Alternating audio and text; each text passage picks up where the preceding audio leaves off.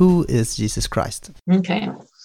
So, first, Jesus Christ is my Lord and Savior. I am a Christocentric Trinitarian. That's the theological speak that says that Christ is one person of this triune Godhead, which is a mystery that keeps me humble. Mm. Um, and wondering and, and keeps me pondering uh, and seeking to, and my faith seeking understanding. It is the Christ that we see uh, glimpses of God because Christ came in the flesh mm. and walked among us, and then is the God's representative to humankind, but then also represents to God uh, us, and because God totally empathizes with us as one who's walked this earth, and then took his sin in himself on the cross and and through the resurrection and here we are in the easter season cosmically changed the world mm. and dealt with sin once for all so that we are saved by grace through faith not by our works through the saving atoning act of jesus christ mm. Jag kan säga att Jesus är den viktigaste personen i mitt liv. För mm. mig är Jesus Guds son och vägen till frälsning. Mm. Och Jesus är en, och nu blir jag tårögd. för Jesus betyder så otroligt mycket för mig och jag möter många människor som tycker att jag ska tycka en massa saker om sex. Mm. Och ibland brukar jag säga, jag bryr mig inte om människor, mm. Hur de har sex och hur de hänger och klänger på varandra. Jag, jag, jag är egentligen väldigt ointresserad av det, så mm. länge människor vill lära känna Jesus. Mm. Mm. mm. mm. jag vet inte, men för mig är Jesus Guds son och världens frälsare. Och en person som jag tillber varje dag. Ja, Jesus är Guds son och världens frälsare och därigenom också min frälsare. Ja. Ja. ja det, det behöver inte säga så mycket mer. Nej. Nej, och eh, min stora glädje i livet Eh, med en kärlek som bara, som bara eh, är fantastisk och som är min drivkraft. Att lägga allt för Jesu fötter varje kväll. Alla oro, alla bekymmer, alla, alla problem. Att lägga dem för hans fötter varenda kväll. Det är en fantastisk gåva att kunna göra det. Mm. Och veta att det tas emot. Mm. Och i det kan man vila. Mm. Så det är också en väldigt stor vila. Att leva i Jesu kärlek. Ni får ställa frågan bara. Ja. Vem är Jesus? Vem är Jesus?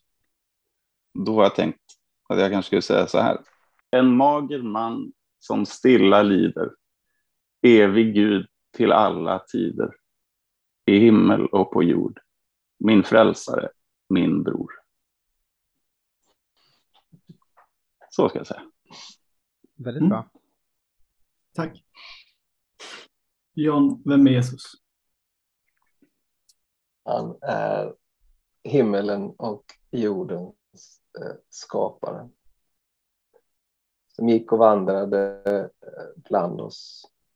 Dog för våra synders skull.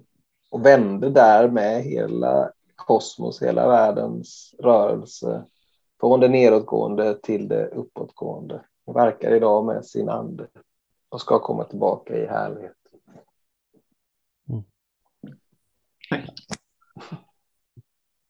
Men eh, bara så här kort och gott, eh, världens skapelsens räddare och eh, ursprung och kan man säga slut? Jag vet inte, jag säger ursprung. ja, räddare ursprung. Men eh, mm. det finns, ja. Så, så svarar jag. Jesus Kristus är min vän och uh, ja, Jesus Kristus är, är, är, den som har räddat mig och, och gett mig liv. Jesus är Guds son, Guds utsände. Det är genom Jesus, hans liv, död och uppståndelse som eh, Guds försoning blir en verklighet för, för, för oss när vi tror på Jesus. Inte därför att han skulle vara en religionsstiftare, inte därför att han skulle vara en särskilt god människa bara, utan därför att det är i honom vi möter Gud, Fadern. Oj. Um, ja, eh, jag har ju kursen i kristologi här, så att det, det, risken är att det blir ett långt svar. Nej, men vem är Jesus? Jesus är Gud och människa verkliggjord i, eh, genom eh, en person. Uh, ja, Jesus är den Jesus är. Eh, Jesus är den som eh, ger mig nytt liv och nytt hopp varje dag. Som eh, bär mig, som lever med mig och som alltid, alltid ger mig en vilja att vilja när jag inte vill något mera. um, I mean, I'm I'm tempted to say that you should all come take our course in the fall term, every fall term at the University of Gothenburg on Christ, humanity, and salvation. Hmm. Come come and learn the answers.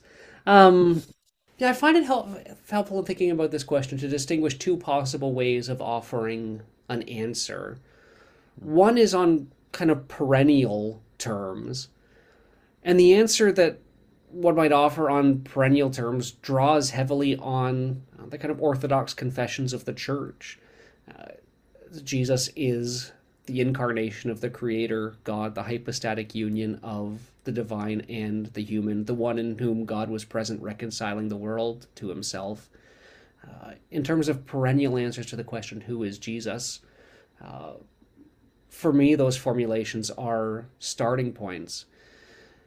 But the, then it's also a question that takes on particular meanings in particular times and places, and what it means to think about who Jesus is um, or you know how one thinks about who Jesus is can change depending on one's historical context.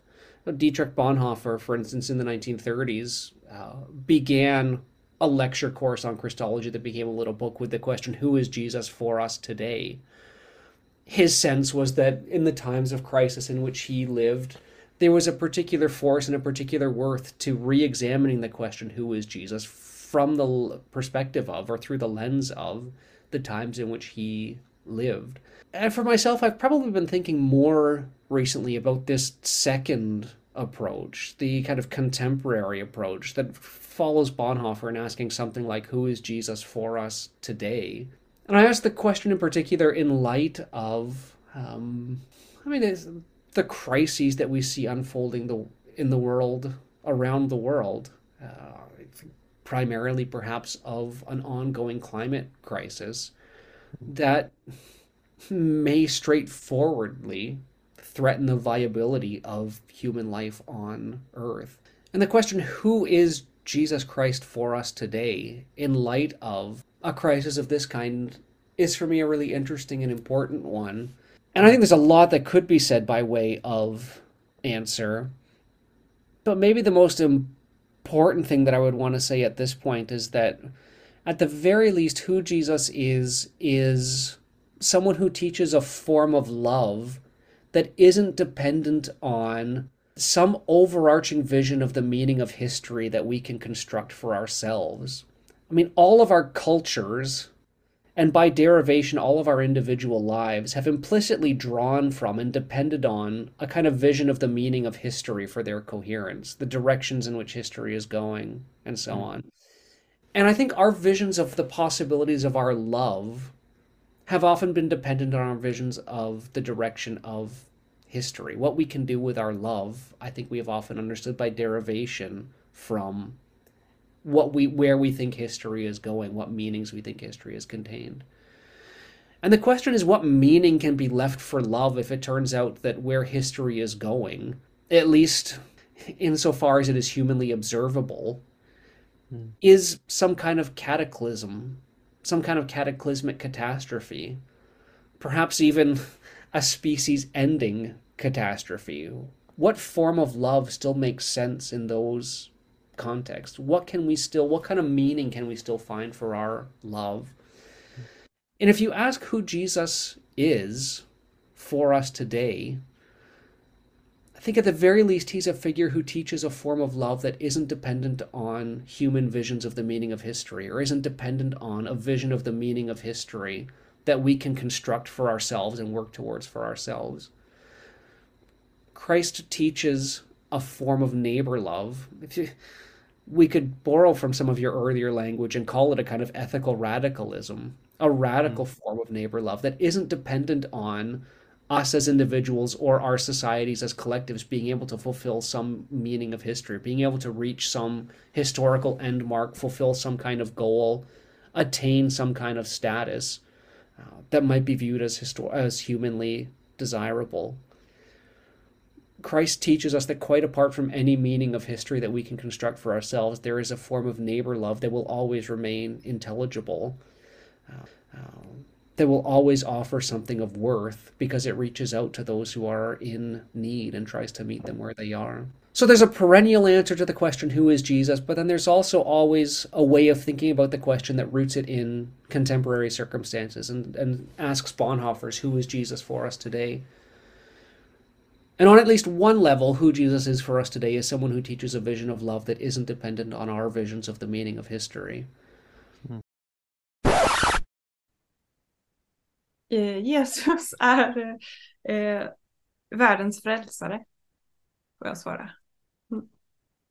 Ja, men Jesus är väl Jesus är min vän och någon som jag försöker ha som eh, herre i mitt liv.